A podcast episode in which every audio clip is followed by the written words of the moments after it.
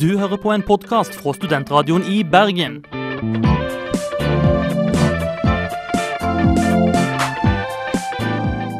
Denne og mange andre flotte podkaster finner du på podkast.srib.no.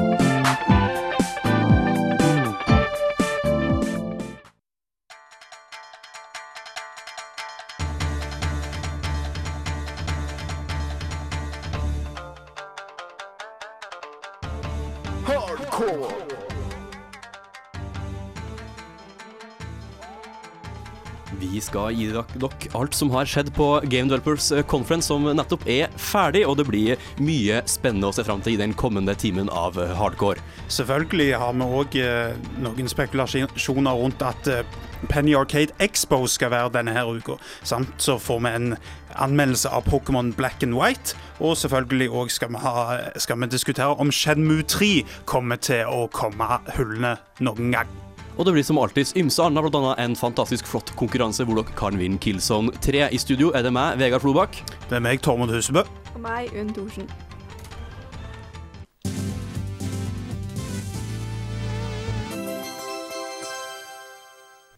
Det er tid for konkurranse her i Hardcore. Vi gir faktisk bort Killzone 3.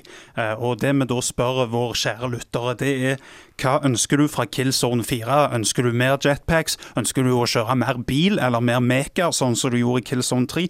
Uansett hva du mener, send oss en mail på hardcore.srib.no.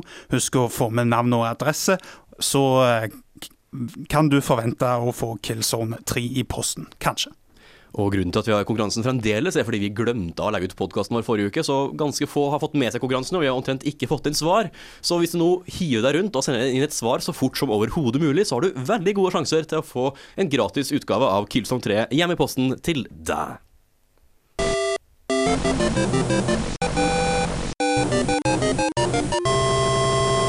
Ukas toppsaker. Vi begynner her hjemme i Norge, faktisk, noe som jo er litt rart med tanke på at det har skjedd store ting i utlandet. Men uh, norske stat deler ut penger, pengestøtte til norske spillutviklere, og det syns vi egentlig er litt gøy. Uh, vi skal nevne to av dem som fikk mest penger. Det er Ravn Studios. Uh, kjenner dere til firmaet? Ja, jeg traff de bl.a. på, på Join Game sist. Det var som en, en slags samling for spillutviklere og spillpersonligheter her i Norge. Eh, og blant annet så har de jo da eh, utvikla Flåklypa Grand Prix-spillene, som eh, iallfall det ene til PC syns jeg var grævla kult når jeg spilte det, selv om det involverte å annet sortere post.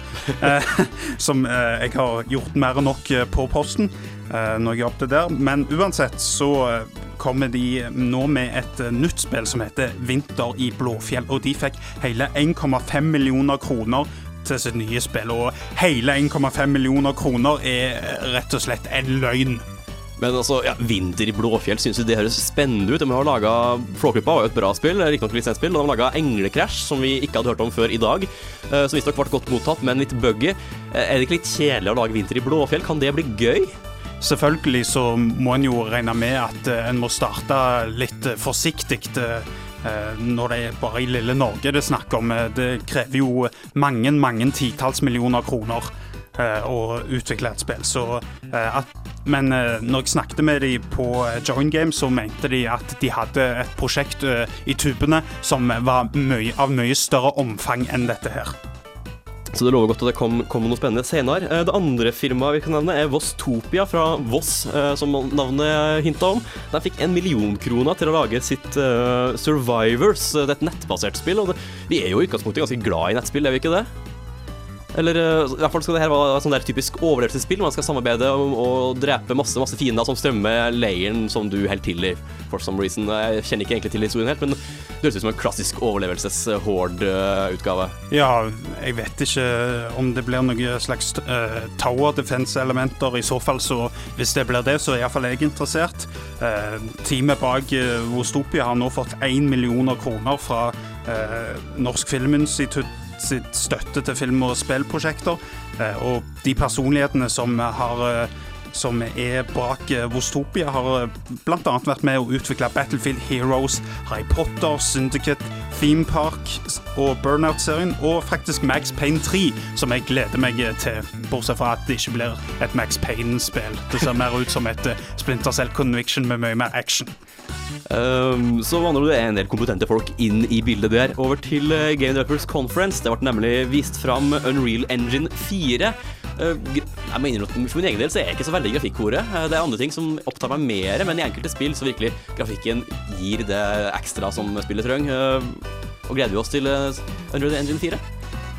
Det det avhenger helt hva spill som kommer, da. Eh, for min del så var eh, screenshotene og den lekka traileren Det var jo utrolig vakker grafikk. Eh, de, de forklarte jo i detalj hvordan fint lyset og skyggene hopper rundt og danser fra overflate til overflate. For min del så betyr det ikke så voldsomt mye. Det var ikke så voldsomt step up fra sånn som en får med maksgrafikk på f.eks.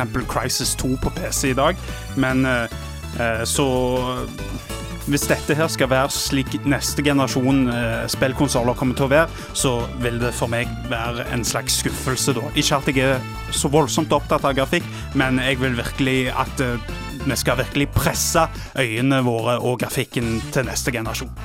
Så siste nyheten er jo Shenmu, eh, en spillserie jeg ikke har hørt om. Unn, har du noe forhold til Shenmu? Jeg har ikke hørt om Shenmu i det hele tatt. Men Tormo, du har et eh, forhold til Shenmu? Jeg elsker Shenmu. Shenmu var et rollespill som først kom til Sega Dreamcast og og senere Stopper litt øyeblikk. Sega Dreamcast, har, har, du spilt Sega Dreamcast? Nei. Nei, ikke heller. Altså, Sega har en tendens til å lage konsoller som ingen eier. Uh, ja, men altså, jeg, jeg, kjøpte en PlayStation 1 uh, første gang jeg var i i uh, tvil om å kjøpe Dreamcast eller PlayStation 1. Uh, eh, og jeg var ganske klok med det, fordi at noen måneder etterpå så uh, slutta de nemlig å selge Dreamcast-spill her i Norge, og, og utgi nye Dreamcast-spill. Men iallfall så, så Uh, Shenmue 1 og 2 uh, gikk i kjempeunderskudd. Uh, faktisk mange hundre millioner i underskudd. Og det skal nå komme kanskje et Shenmu Shenmue 3. Det sier iallfall utvikleren som heter eh, så kult Suzuki. Han eh, mener at Sega vil eventuelt bikke over for presset til å lage en ny eh, til en ny oppfølger til dette. Og det gleder vi oss til. Enda mer quicktime events. Mitt navn er Kåre Willoch. Du lytter nå til Studentradioen.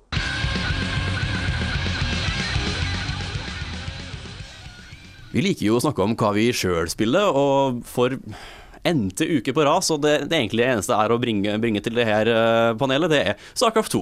Det er styggartig. Jeg spiller litt uh, eh, 4 mot 4 og forfremma til Platinum League, som nå er Det er lenge siden sist har vært forfremma, så det føles ganske kult. Hva er den øverste ligaen i Starcraft 2? Det er ett hakk uh, Nei, Diamond League har kommet til nå. Jeg var i Platinum, nå har kommet til Diamond. Og over der så finnes det Master League. I hvert fall i 1 mot 1. Jeg er ikke sikker på om det finnes i 4 mot 4, for det er såpass useriøst uansett.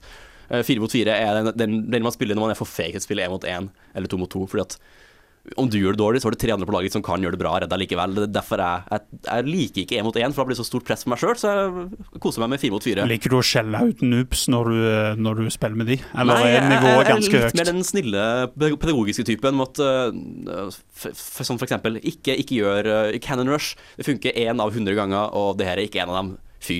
Uh, det er litt den typen det går i. men nei. Nok om meg og Starcraft 2, for vi har snakka om det mange tidligere uker her. Uh, Unn, hva har du kosa med den siste tida? Uh, forrige uke prøvde jeg Rift. Det er et nytt MMO-spill. Um, det var Grafikken er veldig fin, men det var liksom ikke noe for meg, tror jeg. Det var veldig hva, hva, MMO. En veldig MMO, hva ligner det på? Uh, det minnet meg veldig om World of Warcraft.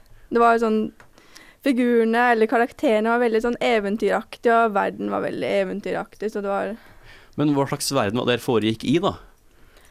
Eh, du snakka noe om portaler og reiser til andre dimensjoner og litt sånt? Ja. Det høres jo veldig uh, den lengste reisen ut. Du som er så glad i Funcom. det, det er Jeg vet ikke hvordan det er en verden som Ja, som får et rift i universet, og så kommer det en blekksprut inn, og så er det engler som skal redde deg. Det er veldig absurd. tror jeg. Eventuelt så har ikke helt fått taket på hva det går i. Det er ofte sånn det første time av spill, så var det hva i all verden foregår? Og så etter hvert så begynner det å dette på plass, og ting gir mening. Spesielt i MMO-er. Iallfall gjerne Key Online. Jeg gikk rundt timevis uten å vite hva jeg skulle gjøre i begynnelsen. Uh, Men hva annet spiller du, Unn? Uh, det andre spillet er Star Wars, Star Wars The Force Unleashed på Xbox. Det liker jeg veldig godt. Det er veldig greit å gå gjennom og veldig lett å drepe fiendene. Det er nesten det som feiler Star Wars Force Unleashed. fordi at når du starter, så er du ganske god fra før, men kanskje den maktfølelsen er ganske bra. Ja. Du føler Man det er ganske starter jo som Darth Vader og begynner å drepe wookiene, som ikke jeg er så fan av, da, men Ja, de er slitsomme. Ikke fullt stille som Evox, men ganske slitsomme. Eh, over til deg, Tormod. Hva har du spilt? Jo, jeg har uh, hatt uh, taket på både NHL 11 og MLB Major League Baseball 11. Og NHL 11 kom jo ut uh, for en tid tilbake i høsten 2010, tror jeg. Men nå jeg Nå bestemte jeg meg endelig for å putte det inn i PlayStation 3-en min. det er utrolig polert. veldig kule kontroller. Det, selve kontrollene minner faktisk litt om skate, fordi at for å slå pucken, så bruker du analogstikkene. Sånn at du kan være forsiktig borti pucken med å være forsiktig med, med, med analogkontrolleren. Og du kan òg fake at du skal slå for å lure motstanderen. Eh, og det vil jeg absolutt anbefale. Pluss at du kan, du kan eh, skape slåsskamper når du måtte ønske, bare med å trykke en trikant hele veien. Du kan òg selvfølgelig eh, bestemme når Eh, hvordan laget ditt skal faktisk eh, oppføre seg på banen. Altså Du kan skifte taktikker. Eh, og Det samme kan jeg si om Major League Baseball 11, The Show. Det er utrolig gøy. Du kan eneste jeg mangler, er at en skikkelig introduksjonssekvens. For det, det, det er for folk som er litt uh, nye for sporten, så er det ganske vanskelig og veldig intrikate regler. Eh, det er jo ikke akkurat som å spille brennball. Så, eh, jeg husker jeg prøvde Super Mario Baseball eller noe derav lignende til GameCube. Og jeg må, jeg må bare si at jeg synes baseball er jævlig kjedelig, altså. Ja, på konsoll så, så jeg vet ikke. Det, altså det eneste som er gøy, da, det er å slå den jævla ballen, og så kaste ballen. Og så, og så har de lagd et veldig intrikat kontrollsystem for, for, å justere ballen. Det, det er nok for spesielt interesserte, men absolutt utrolig fine grafikk. Og uh, polert. Men hvis du, er, hvis du, er, i tvil om hva du skal spille framover, så har du fått noen tips her. Og ikke minst så har Beyond Good and Evil, et gammelt spill fra, 19, nei, fra 2003, kommet ut i ny HD-utgave til eh, både Xbox og PlayStation 3 og PC også, hvis jeg ikke tar helt feil. Vi har jo selvfølgelig anmeldt det en gang i tida, så jeg tenkte at det passa bra å kjøre en reprise av Johan uh, Grøndal Hansens anmeldelse, uh, Ole Johan Grøndal Hansens anmeldelse av Beyond Good and Evil. Det er alltid like deilig når det kommer et spill som bryter med de vanlige oppfatningene om hvordan et spill skal være. Og ett spill var kanskje det friskeste pustet i action-adventure-sjangeren i 2004. Best beskrevet som en slags kombinasjon av Zelda, fotografering og en slags lavteknologisk wipeout, er Ubisofts Beyond Good and Evil et spill som bryter sjangre akkurat som det passer seg.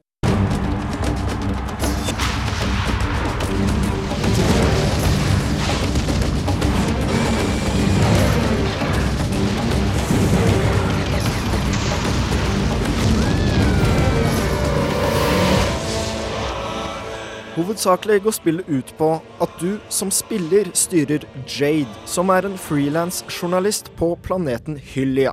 En tilsynelatende fredelig og trivelig planet.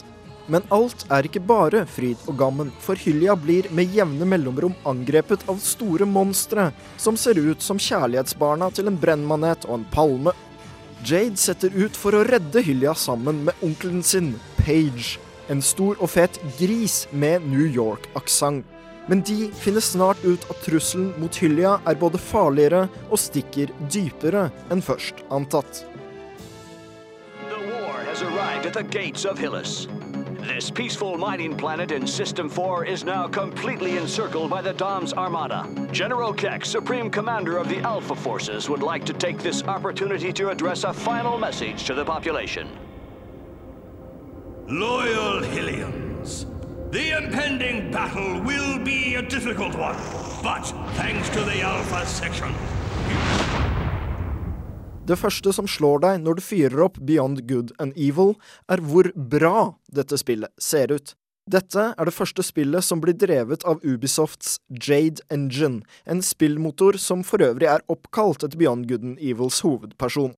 Lekre tekstureringer, flotte animasjoner og en totalt frihet fra såkalte pop-ups preger hele spillet. Kort sagt, dette er vakkert så langt øyet rekker. Selve spillbarheten slår deg derimot ikke som noe spesielt helt i begynnelsen. Det virker tilsynelatende som ganske streit, tredjeperson action-eventyr-affære, men hvis du gir spillet litt tid, så vil du oppleve at spillet vokser på deg. Og som det vokser! Når du får utdelt et kamera, oppdager du at du kan ta bilder av omtrent alt og alle, bilder som du senere kan selge for perler, som er spillets pengeenhet. Du har også din egne luftputebåt som du kan oppgradere så mye at du kan reise til månen om du vil. Og da mener jeg bokstavelig talt månen. Quick, Ven, jump up. Go tell Paige. I'll take care of the shield. Så hvorfor har nesten ingen hørt om dette spillet? Vel, for det første så er Beyond Good and Evil en gjennomsyret sær opplevelse, som kanskje ikke vil appellere til den gemene hop. Det tar også litt lang tid før spillet kommer skikkelig i gang, noe som kan virke litt kjedelig for utålmodige spillere. Dessuten var Ubisoft mest interessert i å promotere Prince of Persia når Beyond Good and Evil ble sluppet, og dermed kom og gikk dette spillet i relativ stillhet. Men dette fører til at man nå kan gjøre et røverkjøp ved å finne Beyond Good and Evil i en eller annen restekasse. Og da kan du kose deg med at du sitter på en liten spilljuvel som ikke er spilt i hjel av alle andre.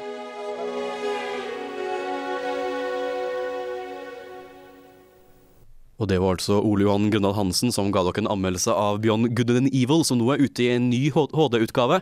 Spillet skal være uendra, bortsett fra at grafikken er oppskalert, så det skal være egentlig helt som det dere akkurat hørte beskrevet, altså med unntak av en flottere, finere grafikk.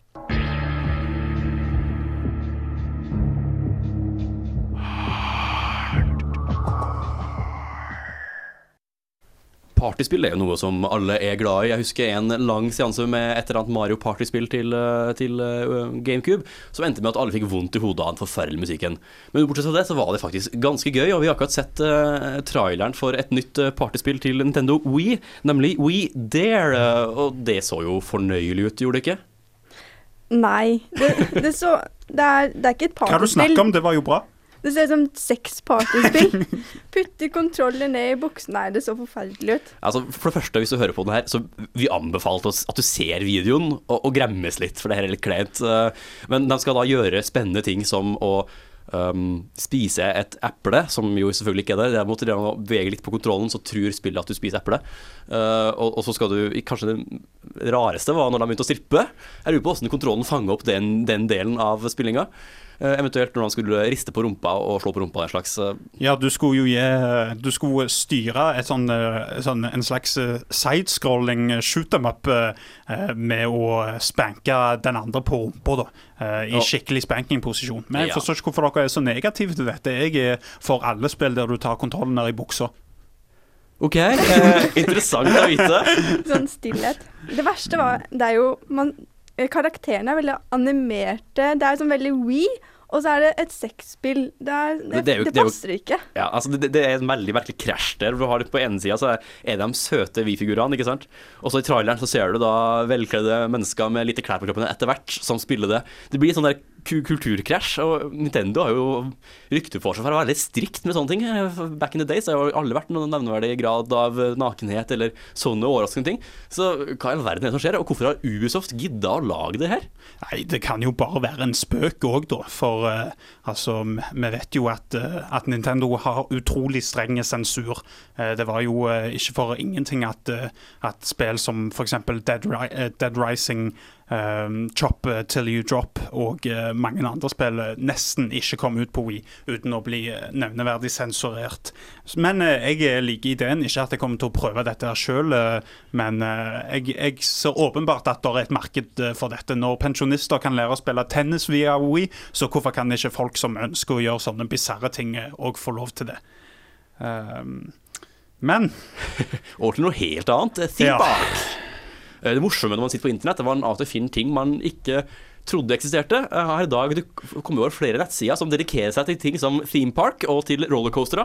F.eks. Rollercoaster Database. eh, Fascinerende plass. Eh, Grunnen til at jeg fant den plassen her, var fordi de lette etter informasjon om en, eh, en theme park i eh, Kina som heter for World Joyland. Som har eh, bl.a. Starcraft-tema, World of Warcraft-tema og andre kjente spill. Hva tror vi egentlig om det her? Nei, jeg spør jo hvor denne parken var i min barndom. For eh, jeg ville elsket om det var en, eh, en, en tilsvarende park i iallfall Europa, Europa, som eh, jeg kunne gå og spille jeg vet ikke, Starcraft Space Mountain også, istedenfor at alle, alle i alle gikk rundt som bamser og utkledd som dyr, så ville jeg heller hatt Space Marines med sigarett i kjeften og eh, selvfølgelig eh, eh, skikkelig Tauren Totem Warriors. Eh, så eh, det er jo store forventninger som knyttes til dette her, men blir de inn, eh, innfridd? Jeg tror kanskje, eh, av bildene Det var jo litt stusslig som det er fortsatt er under konstruksjon. Ja, men det er jo veldig mange som er glad i World of Warcraft og Starcraft. Ikke minst i Kina. Men samtidig, eh, min, mitt inntrykk av sånne der, eh, theme parks eh, og den slags ting, det retter seg veldig mot familiehyggen. Og, og jeg vet ikke, er det en sånn typisk ting at eh, hele familien drar på tur til World of Warcraft-land? Jeg, jeg, jeg kan ikke helt forestille meg Altså, den. Jeg eh, kjenner flere familier der hele familien spiller bokstavelig talt World of Warcraft, så jeg, men jeg, eh, jeg tror det er et ganske smalt marked. Men altså Serg barnepass, f.eks., det hadde jo vært eh, eh, helt fantastisk. Eh, Men uh, som sagt, som uh, Unn sa, så er det, uh, det Det ser ikke så voldsomt lovende ut foreløpig, denne her. Det ser rett og slett bare katastrofalt ut. eh. Ja, altså, Det finnes tegninger av hvordan det en gang skal bli, og det var jo ganske fancy, men bildene fra konstruksjonen var sånn tåkefylte og regna, og det var grått og det var trist. Og jeg leste et par kommentarer på nettet om at ja, det her er Kinas måte å håndtere økonomiske krisen på. De får folk ut i arbeid med å bygge masse ubrukelige ting som ikke vil bli brukt. Så vi får se hva som faktisk eh, kommer ut av det her når det skal åpnes om ikke så altfor lenge. Is a man not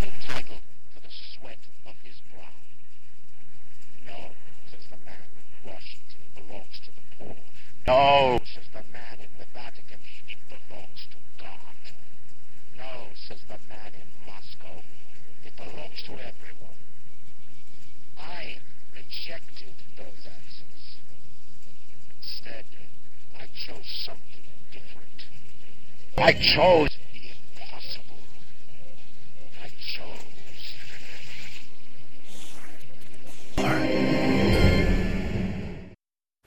Pokémon er jo noe som veldig mange er veldig begeistra for, for some unknown reason. Jeg føler meg litt som the odd man out her i dag. fordi av de tre andre som står i studio, så er samtlige store Pokémon-fans. Og det er tydeligvis flere som er fans. Eh, Pokémon White og Black har jo kommet ut eh, rundt om i verden. Og i England så fikk de plass nummer én og to eh, henholdsvis. Jeg tror det var White solgte flest. Eh, 13 000 flere jenter enn Black. Det er jo ganske så imponerende. Men dere, eh, nå har jeg da fått inn Lars her også, og dere to har da kost dere med eh, Pokémon Black. Hvordan er det? Førsteinntrykket, hva vil dere si? Førsteinntrykket mitt er at det er jo Det er en fin ansiktsløftning på serien, som vanlig. Det, hele serien baserer seg på å fornye det samme spillet om og om igjen. Uh, Det er noen nye elementer som fireveiskommunikasjon mellom NPC-er, spillfigurer bare, rett og slett. Um, Yes, endelig. Det har du endelig, jeg har ventet på det, altså. Velkommen til ti år for seint. Mm. Uh, men jeg syns faktisk at det er litt tregt til å starte med. Det er, my, det er veldig mye vekt på animasjoner i kamp, f.eks., men det går da An å hoppe over? Nei, oh. dessverre. Så det blir litt tregt i kamp, og så er det veldig tregt å gå inn i bygninger for å vise at man går inn og full pakke. Så det er litt sånn eh, altså, Fordi det her er egentlig De som spiller Pokémon Black, har jo spilt Pokémon før, er min ville gjetning. Dere begynte jo å ramse opp hvilke spill dere har spilt før, og rundt 15 spill på hver av dere var jo en imponerende liste. er det egentlig nødvendig å gå gjennom hele opplæringssekvensen så grundig hver gang? Nei, altså jeg syns nå altså etter, etter 15 år med Pokémon så burde de ta fansen så seriøst at, vi, at de burde iallfall gitt oss en viss mulighet til å skippe over alt det som vi er lite interessert i. Jeg, jeg personlig er ikke interessert i, i storyene der, der, de ondskapsfulle figurene har vilt dårlige schemes. Jeg er ikke så voldsomt interessert i, i, i hele storykomponenten. Jeg, jeg vil bare ut og fange Pokémon. Jeg syns personlig at det var he helt greit oppstartshastighet. Grafikken er bedre, og det er jo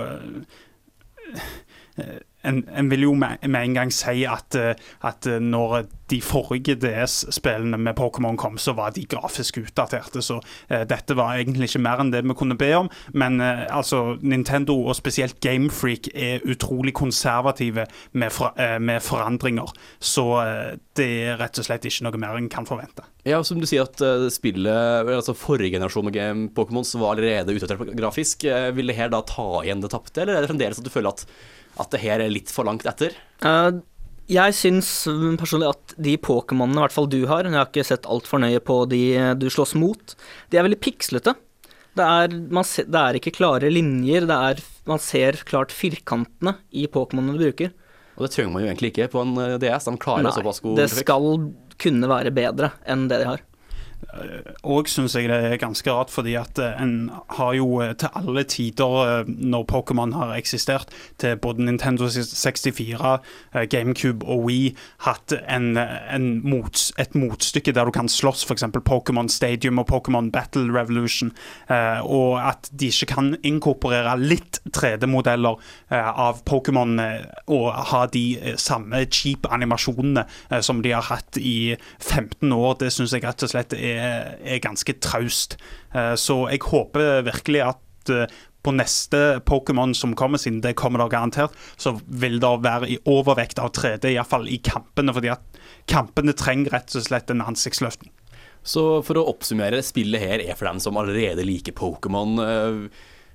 Altså, vil det fenge nye, tror du ikke det? For, for, barn som er, interessert, som er interessert i Pokémon, så vil jeg absolutt tro at dette er det beste å starte med. Uh, ikke at alle Pokémon som uh, blir introdusert er så voldsomt spennende, men, uh, men gameplay-messig så har det egentlig aldri vært bedre. Det virker jo også på introfilmen til selve spillet at det er mer historiebasert. Det er aner med grafikk og viser en uforklarlig kroningsseremoni, så det virker mer historiebasert og lettere for barn å komme inn i, sånn sett, som alle andre Pokémon-spill har vært, men nå med historie. Så for å konkludere helt til slutt, bra eller dårlig? Dersom du er interessert i Pokémon, så har du allerede kjøpt dette spillet. Meg og, meg og Lars er jo allerede godt over 20 år, og vi syns fortsatt dette er gøy. Så det er bare å kjøre på dersom du liker Pokémon. Hvis ikke, styr for all del unna sa at å bli født i Norge er som å vinne i Lotto. Jeg synes at å høre på Studentradioen er litt som å vinne i bingo. Du vil alltid gjøre det flere ganger. Vi har jo snakka litt om Game Developers Conference, men ikke så mye som vi egentlig hadde trodd. For det var faktisk ikke så altfor mye av direkte spillnyheter. Det var mer en utviklermesse. Og hva skulle vi gjerne hørt mer om? Hvorfor begynne der? Er det noe spill de savner? De hadde jo teasa på forhånd. Eh, at Thief 4 skulle bli eksaminert litt på GDC, altså Game Developers Conference. Jeg har jo vært en fan av Thief siden 1, The Metal Age, og det er, det, det er trist at en så god stealth-serie ikke fikk den, fikk den, oppmerksomheten den har behov for. fordi at under GDC så er det egentlig ikke så mye spillnyheter som påvirker oss gamere direkte som kommer. Så derfor så er det åpenbart en utrolig fordel å annonsere som faktisk, noe som faktisk uh, påvirker oss gamere, fordi at da får en jo mye mer publisitet. På E3 og Tokyo Gameshow så er det jo så sykt mye nyheter som kommer samtidig, og dermed så vil det jo eh, drukne i alt eh, vevet, spesielt, at, spesielt etter at um, Thief 3 kom i 2003, om jeg ikke husker feil, så det er en ganske død franchise. Men øh, det, altså, er, det er mange spill som kommer fram våre store spill, og det ble egentlig ikke sagt så veldig mye om noen av dem. Jeg hadde eksempel lyst til å høre noe om Mass Effect 3, fordi jeg gleder meg stort. og Det er flere andre storspill som kommer neste året. Gears of War 3, for eksempel. Det var egentlig ikke så mye som ble sagt. Uh, Secret World, uh, det har jeg ikke hørt så veldig mye der heller. Det har ikke fått vite mer. Secret World er jo et spill som man ikke Eller Funcom kommer jo ikke med informasjon. Det er veldig sånn hemmelig, som er veldig utfordrende. No pun intended. Det er kanskje litt vilje også, da, jeg vet ikke. Ja, men da er alle spillene. Jeg vil gjerne vite om spillet. Jeg vil vite alt. Ja, ikke sant. Og det kommer ikke, så vi får se om det kommer mer enn Det ble jo teasa for to år siden, var det ikke det? Jo. Det begynte så vidt for lenge siden, så har det kommet ganske mye nå. Og hjemmesiden er sånn nedtelling, men kryptisk. Nedtelling til noe. Åh, det er så lame. Herregud. Men nok om at vi ikke liker Funcoms PR-strategi. um, fordi Game Developers Conference skal jo hovedsakelig være for utviklerne, og det var faktisk en del interessante ting som ble sagt der, som vi ikke har gått inn i nå. Blant annet utvikleren av Heavy Rain fortalte at uh, 72% av dem som kjøpte Heavy Rain, spilte spillet ferdig. og Det er jo egentlig ganske så um, oppsiktsvekkende, for det er såpass vanligvis så fullfører ca. én av fire et spill uh, rundt det. Og her er nesten tre av fire fullførte. Det er jo en betraktelig økning. Hva er det? Sier det noe om at Heavy Rain gjorde noe riktig, eller er det bare fordi det var enkelt? Det var jo for det første enkelt. Det var gjerne ikke alltid så enkelt å få den uh, slutten du ønska, men uh, spillet var jo òg ganske kort.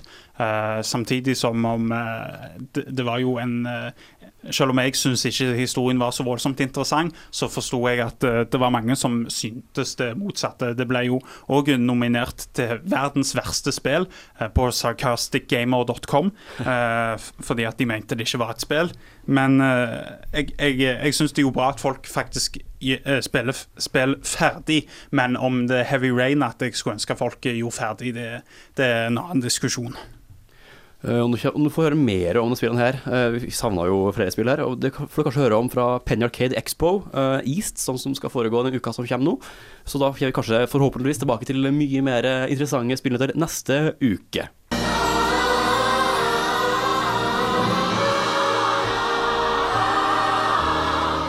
Du hører på Studentradioen i Bergen.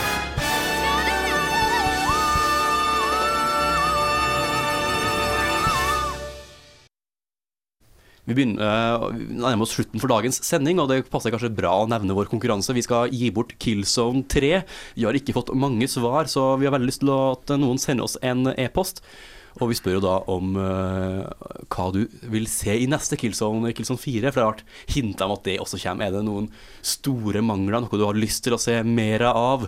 Så send et forslag til hardcore, alfakrøll, srib.no, og send det til oss innen neste tirsdag. Så er det med i trekningen av et uh, flunkende nytt Killzone 3 til uh, PlayStation 3. Dagens sending går mot slutten. Vi må bare takke alle som har vært med. Mitt navn er Vegard Flobakk.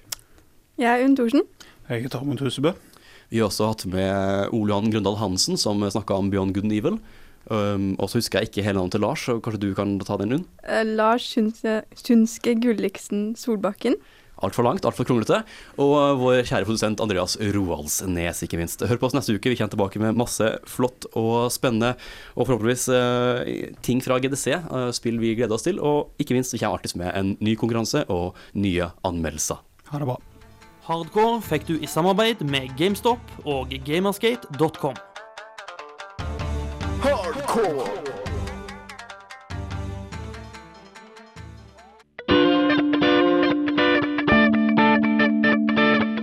Du hører på en podkast fra Studentradioen i Bergen.